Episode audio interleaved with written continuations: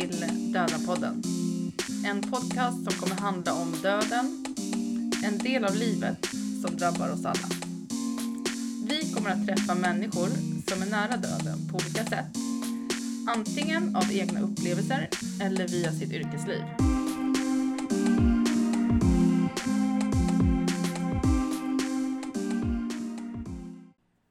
Döden-podden är tillbaka. Ja, och det här var en fortsättning följer. Det var en cliffhanger från förra avsnittet. Precis. Vi är ju fortfarande kvar i Gävle nu då. I alla fall mentalt. Eh, vi är fortfarande kvar i Gävle och Eva-Britts berättelse fortsätter. Vi fortsätter att få ta del av hennes berättelse gällande Marcus och RAV. Ja, Som, eh, ja, mycket viktig organisation. otroligt viktigt. Ja. Så nu får ni lyssna vidare. Japp, Eva del två.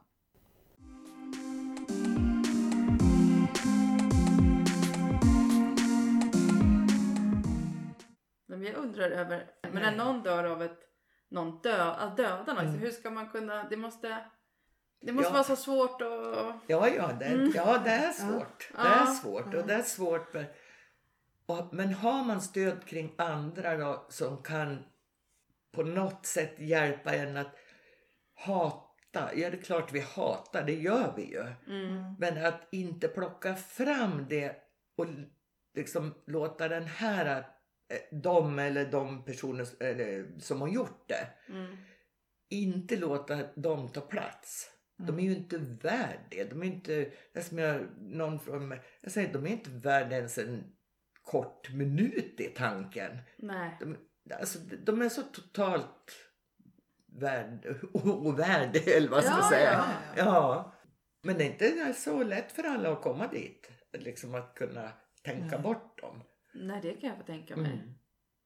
Man, Men så det är ju viktigt då. Nu har det här året igen då, det är olyckligt. Men annars så har vi ju träffar på olika platser. Mm. Och det är också, jag vet, många nya anhöriga hittar sorgevänner i sig och kan stötta varandra. Och mm.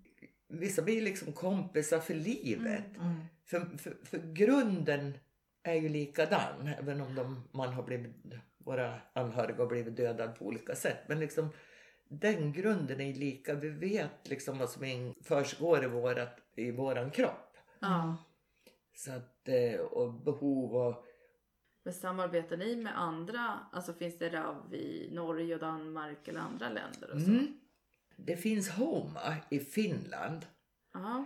Och de har vi, och det är också det här, det är så synd att vi inte kan träffas liksom. Ja. Eh, för- och de, där är ju, staten ger pengar till, så jag säger rätt nu till ett spelbolag. Mhm. Mhm. Och spelbolag delar ut pengar till Homa.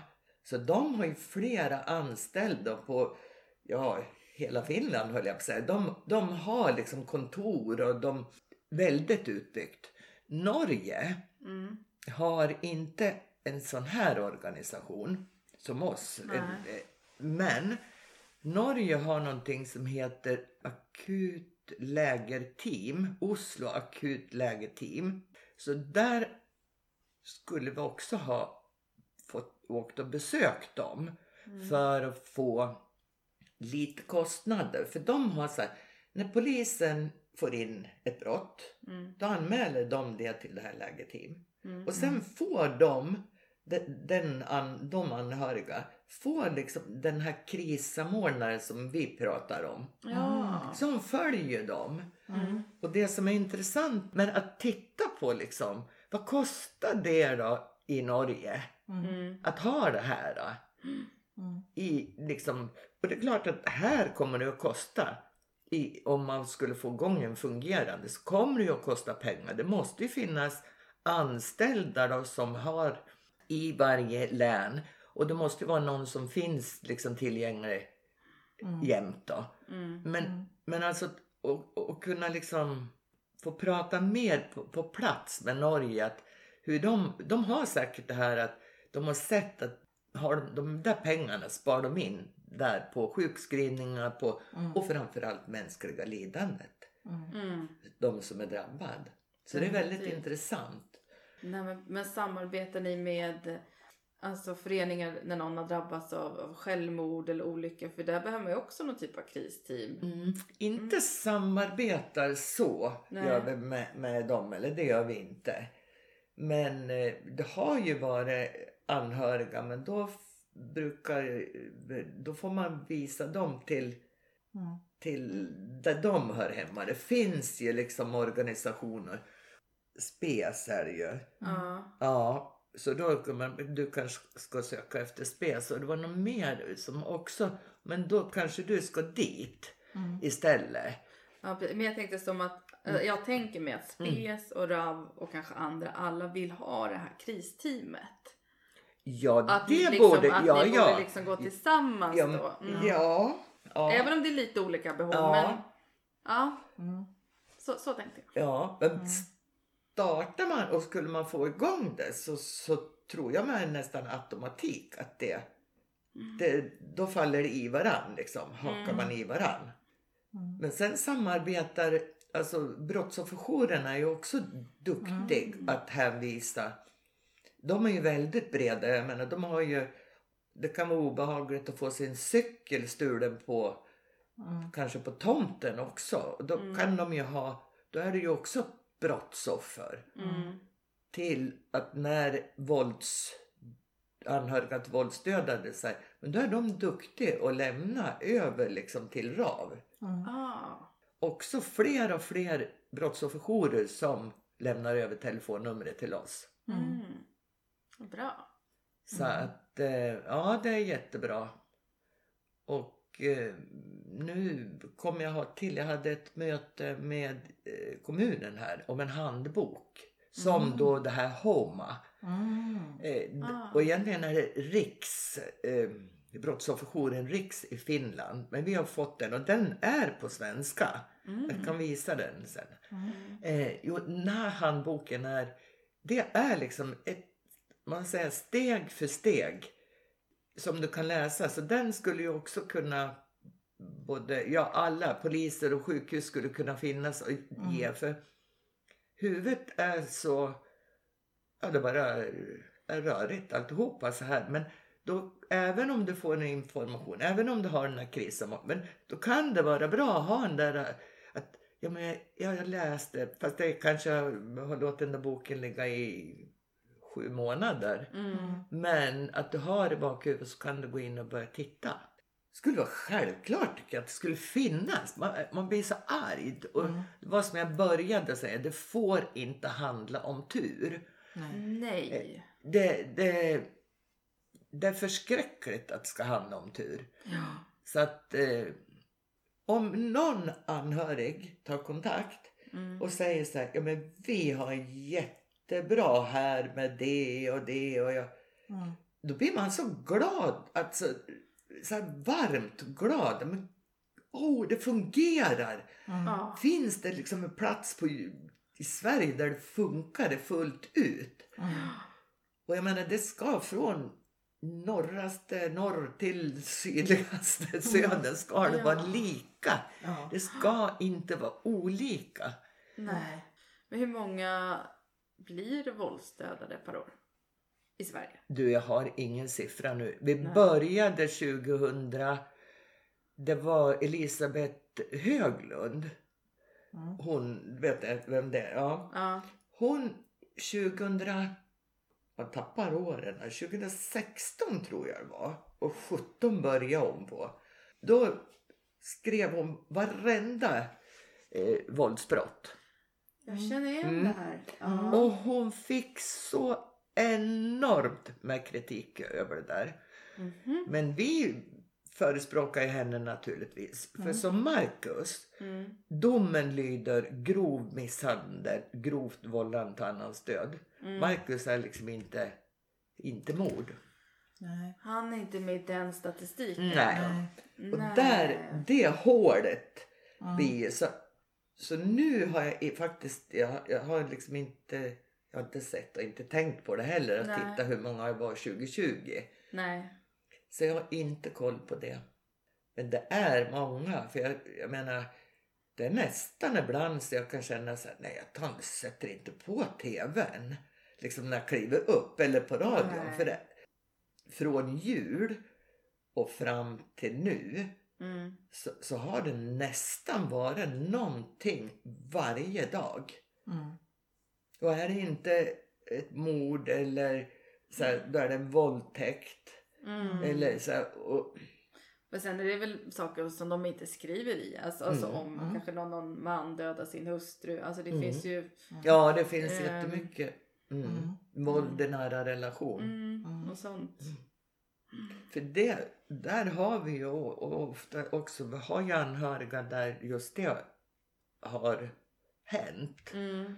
Och där är ju inte gärningsmannen utan där är det ju ofta barn eller maken. Ett tidigare förhållande att det är Mm. sånt så att och det är väl någonting kanske, det är svårt att säga öka, det kan jag inte heller, jag kan ju inte se Nej. statistik så, men det är i varje fall anhöriga av, av det liksom som kommer till oss.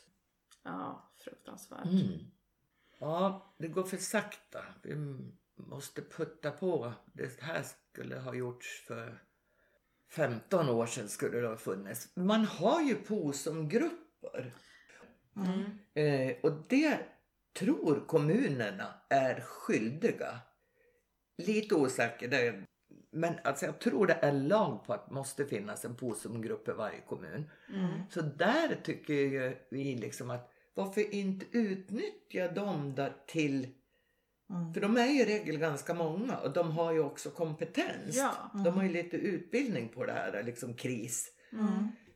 För det här är personliga tsunami för oss. Ja. anhörig. Såklart. Ja. Eller, men men oft, oftast är det ju en i vå, våra familjer som är dödad. Det Mm. kan ju vara fler också. Mm. Men, men det räknas liksom inte. Där ska vara en bussolycka eller där det är Mm, flera personer. Ja, Mm. Ja. då... Och jag, för- jag, jag, nej, jag förstår inte. Varför har man inte...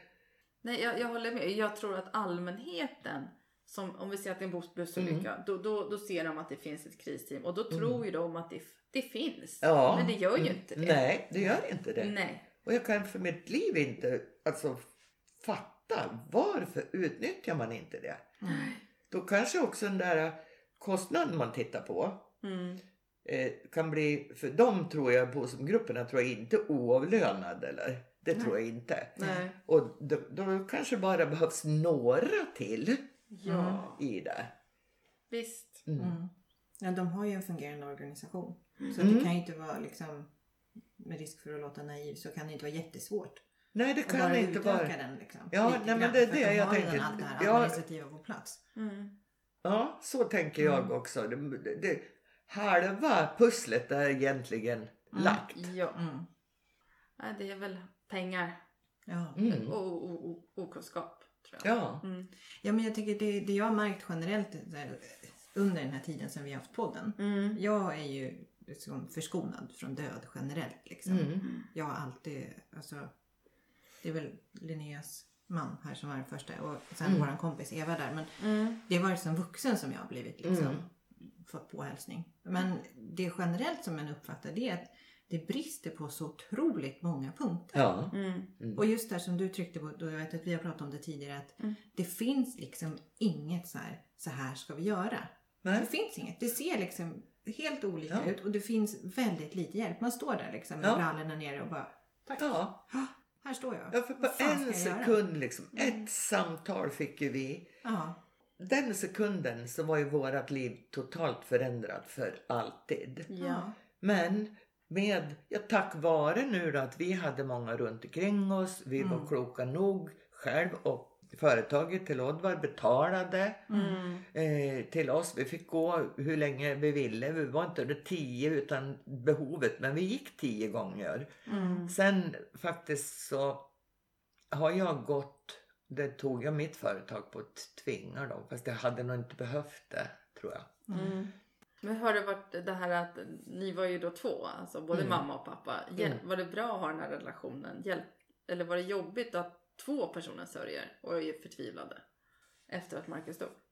Nej, och där är det nog också lite olika både förhållande och vilka personligheter du är. Och Oddvar och jag har från den dag vi träffades liksom stort sett ventilerat allting. Mm. Eh, Oddvar pratar vad han gjorde på, jag har gjort på jobb och jag på mitt jobb. Och Marcus, liksom, när han har växt upp, han också varit väldigt så här att berätta vad han har gjort.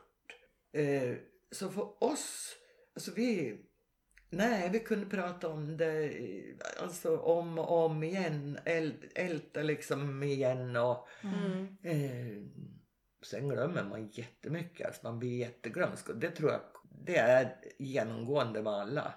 Det är Mm. ungefär som bit av hjärnan har ramlat bort på en. Mm. Nej, men Ja. man blir väldigt glömsk. Man glömmer alltså, ja, hur det var första tiden och, Mm. och så. Nu har jag plockat bort så här, men annars så ska jag säga, oj, oj, oj, nej, men nu var det nog tomt nästan på lappar. Jag har massa post-it-lappar också.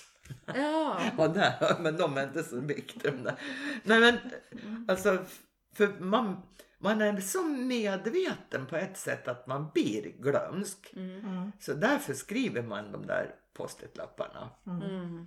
Och, och när det är många så, och så, ja men nu måste jag börja beta av det ska jag ringa och det skulle jag göra. Det. Och man är så glad när man kan, oh nu har jag gjort alla de där. ja, det är bra. Ja, nej, så, men sen kan jag väl säga så här. På våra anhörighelger Mm. så det blir mer och mer att män också kommer med på våra både träffar och på anhörighelger. Mm. Och det tror jag är jätte, jättebra. Mm. För bland alla liksom så här, så där kan det, kanske var det du menar, men i vårat fall var det inte så. Men han sörjer på det viset, hon sörjer på det viset. Mm. Finns det syskon, Mm. Mindre syskon, om ett syskon har blivit dödat, så på något vis så tar de, de sörjer på, också på ett annat sätt. Mm. Och de, vad ska jag säga, de, de vill inte vara riktigt ledsen för då blir mamma och pappa ledsen. Mm. Precis. Mm. Ja. Mm. Så det är ju, de, de är duktiga fast de behöver ju liksom Mm. eh, också, allt måste ju, alla måste få sörja. Mm. Men det tror jag är lite, och ganska vanligt just där i familjer där det är, är barn och min, det finns mindre barn. Eller det kan ju vara ett äldre syskon också, det beror ju på vilken ålder så. Mm. Att, eh, ja. Och det tror jag också. Mm, och det måste vara jättesorgligt liksom. Mm. För då gå och ha det inom så att bara vara duktig för att inte andra ska bli ledsen. Mm. Mm. Fruktansvärt Mm. tufft. Mm. Ja, Mm. verkligen. Är det någonting mer som du vill att vi ska ta upp? Nej men vi har väl fått med det mesta tycker jag. Ja, alltså jag tänkte liksom om du vill att vi pratar mer om Marcus och vad som har hänt honom eller om du vill eh, Ja. prata mer om sorgen och allt efteråt eller om Rav. Det är väl det som, vi pratade ju om rättegångar Mm. Och sådär och eh, att vi, ja i den mån man känner av att man ja, i princip rekommenderar Mm. om det är lämpligt att, att vara med på rättegångarna. Ja. Men det vi också i RAV så här, det är alltså bland alla anhöriga, det är nästan, ja man kan räkna dem på en hand nästan, där rättegångarna där det har varit ordning och reda i.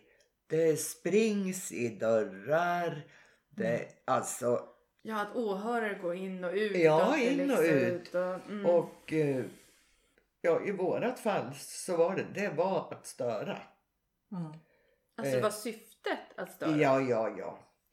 Och det är ju tunga dörrar in till rättssalarna. Mm. Och det var ju, jag menar, hade någon utav våra anhöriga som var med nere behövt gå på toaletten så har de ju smugit ut så här och förmodligen stått kvar till det blev en paus. Mm. Här var det liksom så här, uff, uff, så här och så Mm. pang upp med det. Och att det bara får f- för sig gå. Det skulle ju vara liksom strikta regler. Var det någon som, Mm. ja som i tingsrätten blev det applåder och, och busvisslingar och hurrarop. När de blev friade då? Ja, och det var så här att eh, ordförande, då, domaren säger jag, men ordförande eh, säger så här. Rätten har beslutat att upphäva häktningen. Mhm. Mm. Då utbröt ett jubel, applåder och visslingar. Så, här. så jag tror faktiskt att jag tror jag nästan dog en sekund alltså. För det var som ett upplopp. Mm. Eh, alltså man blev så rädd, så rädd. För man var så liksom spänd ändå. Mm. Och så säger det. Och hon hade ju kunnat sagt utav den. Men inte den eller inte den om var tre. Ja. Mm. Så att, eh, så, och, och jag menar, de personerna som gjorde det där, de skulle ju ha direkt plockats. Mm. Mm. Och, så, och vi överklagar ju, men det vet man ju kanske inte i tingsrätten. Men när det blir en överklagan, de skulle vara portade, de skulle aldrig mer få sätta sin fot i en rättssal. Nej, nej, precis. Så att jag menar, och det är, kommer folk in. eh, En, en an, anhöriga som berättade, hon kom in en jul med tomteluva och, och säger God jul! Alltså fatta! Och den nämndeman som, det var en nämndeman i tingsrätten, han satt och sov på våran. Och där Satt och sov? Japp, och det är ganska vanligt bland våra anhöriga. Där de sitter och sover. Men, men det måste ju då åklagare eller ordförande ja, se. Ja.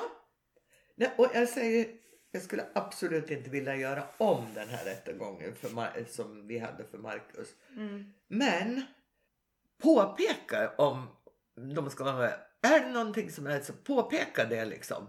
Ja. För jag skulle aldrig idag om jag skulle ha hamnat i det här. När, när man, dels har det gått många år men när- så kände jag nog ganska snart Mm. efter. Så skulle man ju resa upp och säga men titta fan han sitter och sover. Mm. Och det värsta som kan hända det är att de har sagt att nu får du gå ut.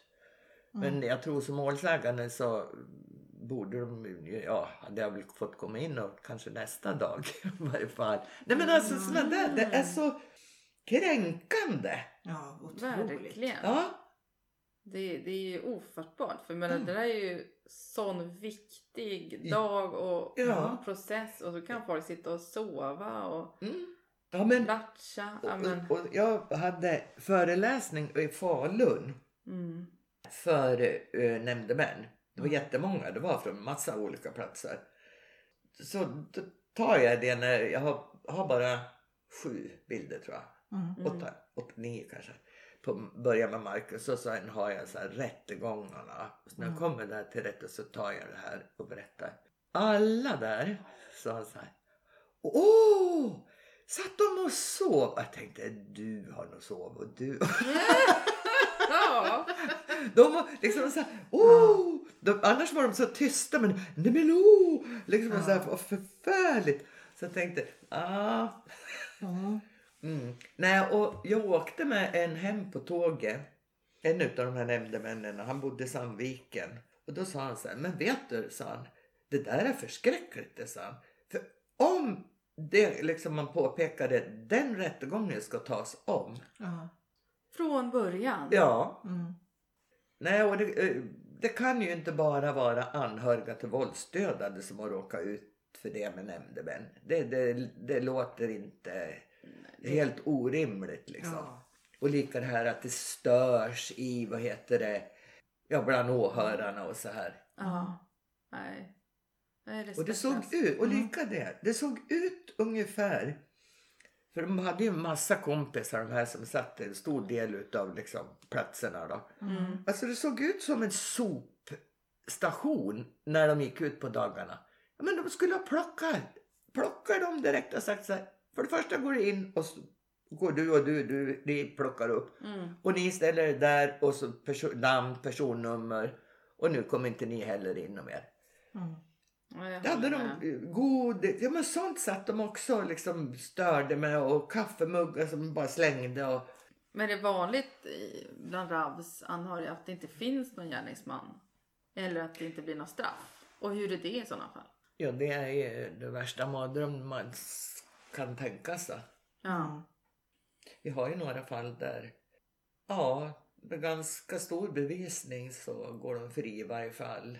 Mm. Och var anhöriga ganska nu, är det. Ganska Mm. nu som inte har någon gärningsman. Mm. Eller de- män, därför är det ett par. Men de vet inte alls. Alltså vem... Eh, nej, det vet de inte. Och då vet man inte heller riktigt vad som har hänt antar jag. Ja, hur de är döda vet de ju. Men, Mm. men de... eh, Det finns liksom inga spår. Nej. Det är bara liksom, har dykt upp någon helt så här och haft ihjäl. Mm. Det måste ju göra det svårare. Mm. Svårare att liksom... Man får inget avslut tänker jag. Nej. Så att det blir liksom inget så här, okej det var han eller hon och så. Mm. Det är det som blir viktigt med en dom. Ja. Och hantera det där. Vem är det? Är det han? Är det Ja. hon? Alltså det måste ju vara... Och då, ett av de här fallen det har varit på Efterlyst och det har inte dykt upp någonting ändå. Nej. Nej. För det fanns ju folk i närheten men tydligen inte rätt folk. Nej. Ja, det är väl också den här kulturen att folk inte vågar Mm. Mm. berätta ibland Mm. vad de har sett och, och så vidare. Mm. Mm. Mm. Så det är ju, jag menar, vittna anonymt. Mm. Absolut. Mm. Driver RAV den frågan? Ja, det gör Mm. vi. Mm. Mm. Mm. Det här är min helt personliga, eh, det är inte rav på något sätt. Men Mm. alltså jag kan ju tycka så här att nästan skulle vara belöning om man vittnar. En Mm. ganska hög belöning. Mm. Eh, men jag förstår också att det är en jättefarlig väg Mm. att, att gå. Men när det är just de här eh, gängen Mm. Mm. Eh, och de har ju en tystnadskultur som heter duga liksom. Mm. Och sådär. Rädd. Men, och det är ofta pengar, knark och ja, med vapen och sådär. Så blir pengar i slutänden. Och då, då räcker det ju inte med 10 000 om du vittnar. Nej. Då måste det vara rejäla slantar. Och skydd. Ja, och skydd det också. Så Mm. det, det är ju en farlig väg, jättefarlig. För de grep inte Marcus eh, gärningsmän förrän på, jag tror de tog den första på måndagen efter. Mm. Och sen fram till onsdagen eller någonting hade de, eller torsdagen hade de gripit fem, men två släpptes för de blev bara skäligen misstänkt. Ja. Så de släpptes häkte. Men då, alltså vi kände liksom, och jag kan tänka mig vad hemskt det är för de som inte har spåret, Mm. inte ett spår av en gärningsman där det har gått nästan ett år. Mm. Eh, hur fruktansvärt det måste kännas. För de där dagarna till vi, de här poliserna som vi hade ringer och säger nu har vi gripit en, två. Mm. Alltså det var, det var som att det var liksom 240 timmar på ett dygn. Mm. Ja. För, för man liksom måste få reda på, det måste vara ett rent helsike alltså att inte ha någon. Mm. Vi, jag vet, vi sa så här, ja men eh, kan man inte vi lägga en belöning då? Ja. På om just det, då, Mm. då förklarade de för oss att det är en jättefarlig väg att gå. Mm. Mm. Så det var inte, men man blev så desperat liksom. Så man, man kände att du måste åka dit liksom, de som döda Marcus. Mm. Men då sa de nej, det var inget bra. Och det först, jag förstår det egentligen fast jag skulle vilja Ja, man vill... Mm. och jag Mm. skulle vilja att vi hade lagar som tillät Persbrandt i förhörsrummen.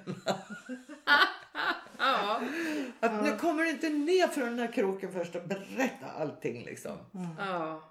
Det är så hela tiden när gärningsmännen ska gullegullas med dem.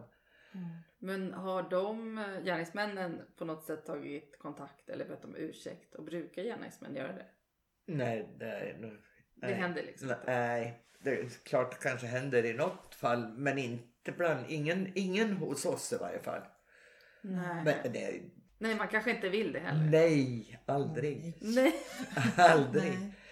Nej, för skulle de ha bett om ursäkt, jag har aldrig förlåtit dem ändå. Nej. Men om de skulle ha bett om ursäkt, det här gick för jäkla fel liksom. Ja.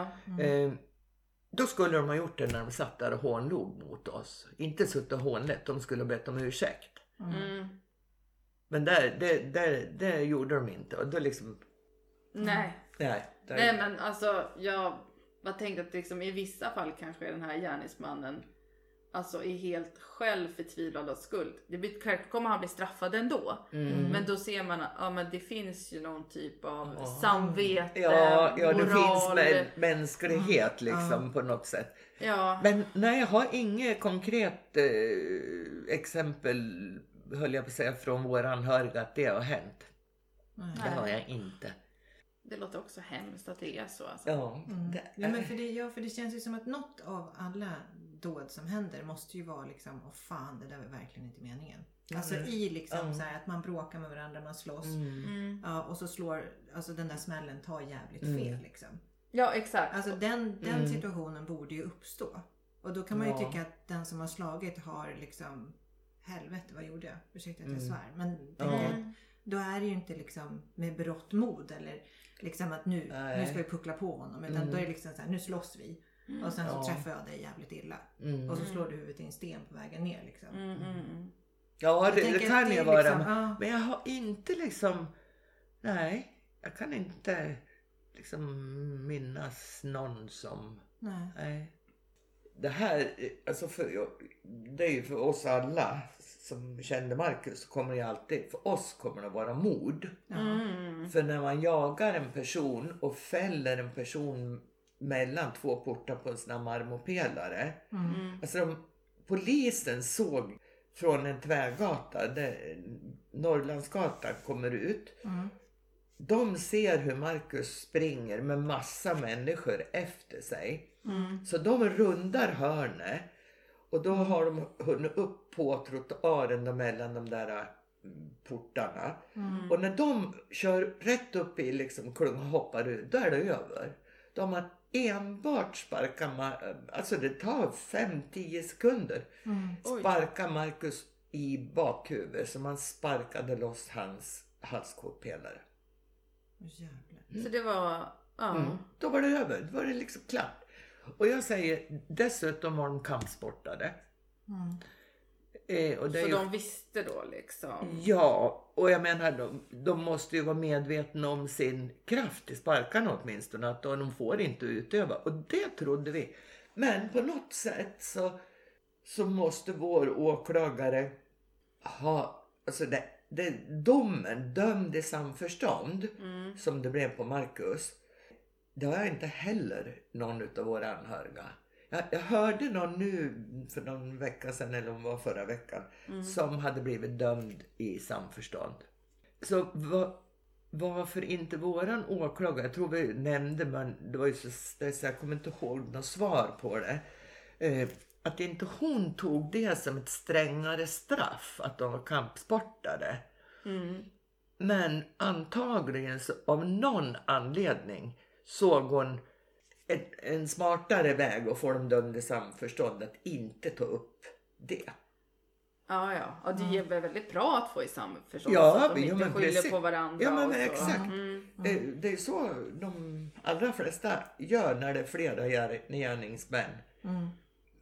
Hon var nog smart som gjorde det. Mm. Men jag menar för oss kommer det ju alltid att vara mord. Och så är ju många andra anhöriga också där det blir liksom grovt vållande till annans död. Mm. eh, och grov misshandel. Nej men hallå liksom. Om, om eh, man springer ikapp eller om man hugger ner någon bakifrån med en kniv 17 gånger liksom. Mm. Nej det var inte meningen. Det var grov misshandel, grovt vållande till annan. Ja, det, nej. Det låter absurt. Ja, Mm. nej de skulle behöva ruska om hela rättsväsendet starta om det på någon ny start på något sätt. Mm. Ja, och se till att inte nämndemän sitter och sover. Ja, ja men alltså och Alltså, det ordning. lite. Ja, Ja. och ordning i rättssalarna. Ja. Det är det minsta man kan kräva att det ska vara tyst och ordning i en rättssal. Ja, jag trodde att det var det. Ja. Ja, det, så trodde vi ju. Så det, det är också en erfarenhet då, som man kan säga till de anhöriga som, som vad heter det, väljer att vara med på mm, rättegången. Mm. Att ser ni någonting, säg till. Höj tjo, bara liksom. Mm. Vad som jag sa, jag skulle aldrig, jag skulle inte vilja göra om rättegången, men jag skulle aldrig sitta där för den person jag är idag när jag vet det här om rättsväsendet. Då skulle jag, jag skulle ha rest mig upp och så stolen bakom och åkt iväg. Men var det likadant i hovrätten? Ja, ja det var ingen Ja. skillnad. Okej. Ja, det var ingen som nämnde man som sov. Men det var lika stökigt. Men jag kan ju tycka liksom att alltså, som förälder, jag blir så här förbannad. Jag blir, känner mig otroligt provocerad av det. Men jag tänker att som förälder så måste man ju någonstans ha medkänsla med en annan förälder. Som har varit med om det värsta man kan vara med om som förälder. Nej. Så här, fan, de har förlorat sitt barn. Oavsett om mitt barn var med eller inte. Så har man ju ändå någon form av så här, empati. Ja, Mm. men, Någon form av så här, för fan vilken jävla tragedi. Jag skulle aldrig ens önska min värsta ovän där. nej, Nej. nej, men det, de här så bara, nej men här var kommer jag att inte se lite tuff ut liksom. Ja men det är Sen var de ju jätte, liksom, de föräldrar dyra kläder. Det hade ju ungarna för i hovrätten kom de hemifrån. Dyra kläder. Pipi, så här liksom. Man, bättre om att sköta om ungjävlarna från... Mm. Nej, det är fullkomligt absurt hela... Ja, Mm. det är det. Ja, och just sen det här med straff, det är många... Alltså, och de lider man ju så fruktansvärt med de anhöriga. Där det liksom... Det, det har ju hänt att det har varit livstid i tingsrätten. Ah. Och blir friande i hovrätten. Oj, oj, oj, oj. Så att, vet, att det, det, det måste liksom... Jag, jag kan inte, fast det liksom... Jag hör ju på dem, alltså, s- och är ju i kontakt med dem, men, Ja. men alltså, jag kan inte greppa det själv. Då skulle jag nog svika Markus löfte. jo, men det, då, då, då, när det är, då är det tillåtet att ta fram... Vad, vad gör de anhöriga då? Fortsätter de att hela tiden överklaga till högsta domstolen? eller Ja, men det är ju Högsta domstolen eh, är inte många fall som tas upp Nej. där. Nej. Ja, men vi pratade ju också om det här. äh, Alltså för först hände det här fruktansvärda med, med Marcus och Mm. allt runt det. Och sen när du förlorade din man. Du, för du nämnde ju att det var olika. Ja, Men hade du på något sätt nytta av den erfarenheten som du hade med Marcus? Eller blev det som, förstår du? Eller blir det bara kaka på kaka så det bara blir för mycket? Eller hur? Mm, nej. Jag tror nog nästan att jag hade lite nytta utav... Nytta är svårt att säga. Ja, men ja, jag jag hade blivit liksom en annan person. Eh, på ett sätt. På det viset. Och man levde ju tre veckor och, och två dagar. Man kan aldrig förbereda sig på en död på något sätt så. Men eh, det var, blev ju lika där också att liksom, läkarna sa att han var för sjuk. Och, han skulle in och göra en bypass egentligen två dagar efter. Men blev sjuk på två ja, dagar innan. Så han blev, och då sa vi när vi väntade på ambulansen här liksom. Ja men åh vad bra nu blir ju operationen ti- tidigare. Trodde vi ja. Men så var det inte. Han var för sjuk för det. Eh, och jag hade min svägerska och så Anna-Lena då. Theos mamma. Det, det, vi hade pratat om allting. allting. Vi, vi hade liksom klart. Det gjorde vi med Marcus. Och vi har rest mycket liksom. När Marcus blev vuxen så han inte följde med. Att si och så ska vi ha det. Och, och, och det är jättebra att man har ett öppen dialog med sin partner liksom. Så jag visste att det var bara eh, min, min svägerska då, och så Anna-Lena som skulle tillåtas om Oddvar skulle hamna i det här läget som han hamnade i respirator. Dels det var jag liksom så trygg i. Och, men under de här veckorna, och eftersom jag hade det att det går inte att operera Oddvar. Där också, blev ju också som för Marcus fast det gick mycket fortare en tidsfråga när han skulle dö. Så jag hade nog blivit annorlunda för alla, kanske främst de yttre liksom, eh, även ganska nära släkt och sådär. Eh, för de visste att Oddvar och jag gjorde nästan allting tillsammans. Och när Marcus lite var jobbade utomlands i Vietnam, ja men massa sådär. Så, så de hade kanske misstag, det sa de har berättat själv sen. När Oddvar dog, då trodde de att nu åker hon rätt ner. Liksom. Det här fixar inte Eva. Eh, det blir för mycket. Och så innan Marcus hade jag gått igenom ett nästan ett och ett halvt år med cancer. Bröstcanceroperation, cellgifter, Mm. strålningar. Så jag hade varit tre dagar ute och fika på mitt jobb. Det var ju, och sen blev det ju Kristi himmelfärd. Mm. När det här hände. Så det var ju ganska tuffa smällar. Verkligen. Och så trodde nog liksom, det var ju för att de var goda vänner. De tänkte att nej men nu går det åt pipsvängen liksom. Mm. Men jag hade, alltså vi hade styrkan i varann. Men Oddvar hade också, och särskilt sen Marcus, att liksom överfört lite på mig och tro på mig själv. Mm. Det har aldrig varit någon som inte har trott på mig själv, men liksom på ett annat sätt. Så jag satt där när, när jag kom hem, på den där stolen brukade jag sitta och titta på TV. Eh, och det var en tisdag och hon dog. Och så satt jag så här. För svägerskan hade sovit med mig alla de där veckorna, dagarna. Mm. Men då sa jag till henne så här. Nej, Britt. Nu åker jag hem själv. För det är så här mitt liv kommer att se ut. Mm. Ja, så sa hon så här. Du får ringa precis när du vill. Ja, bra, visste jag det.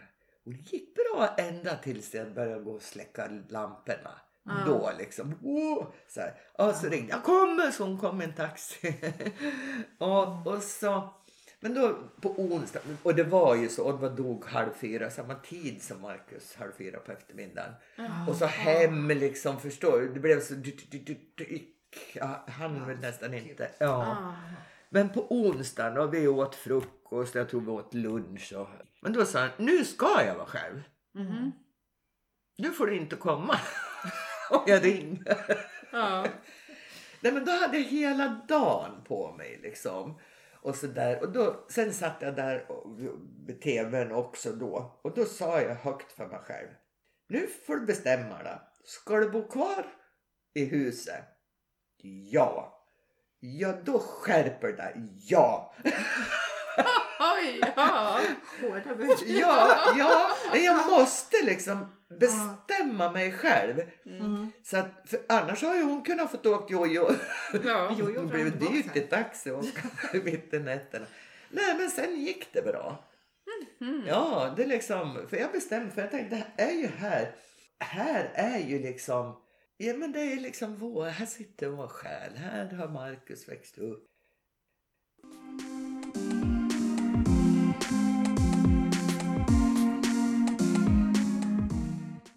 Ja men det här att prata med Eva och vara hos henne. Det verkligen eh, fick mig att... Jag, jag, jag, vet inte, det rörde runt någonting i mig. Det var så Mm. mycket som kom upp. Ja. Alltså jag känner mig otroligt berörd av Marcus.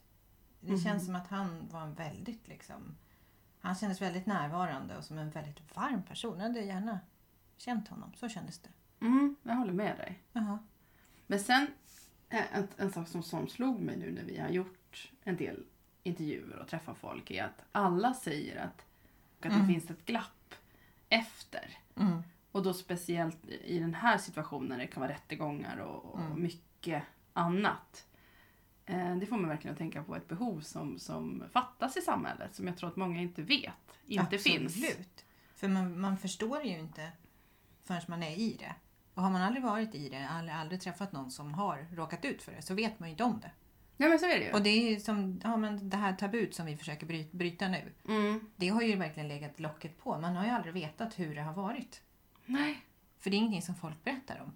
Nej. Nej, man brukar inte prata om döden och dödsbud på jobbfikat. Nej. Nej. Nej men, eh, nej, men det, det har i alla fall fått mig, det var en extra grej som fick mig att tänka som tänkte så här. Mm. Nej men då fixar vi det här Rosa.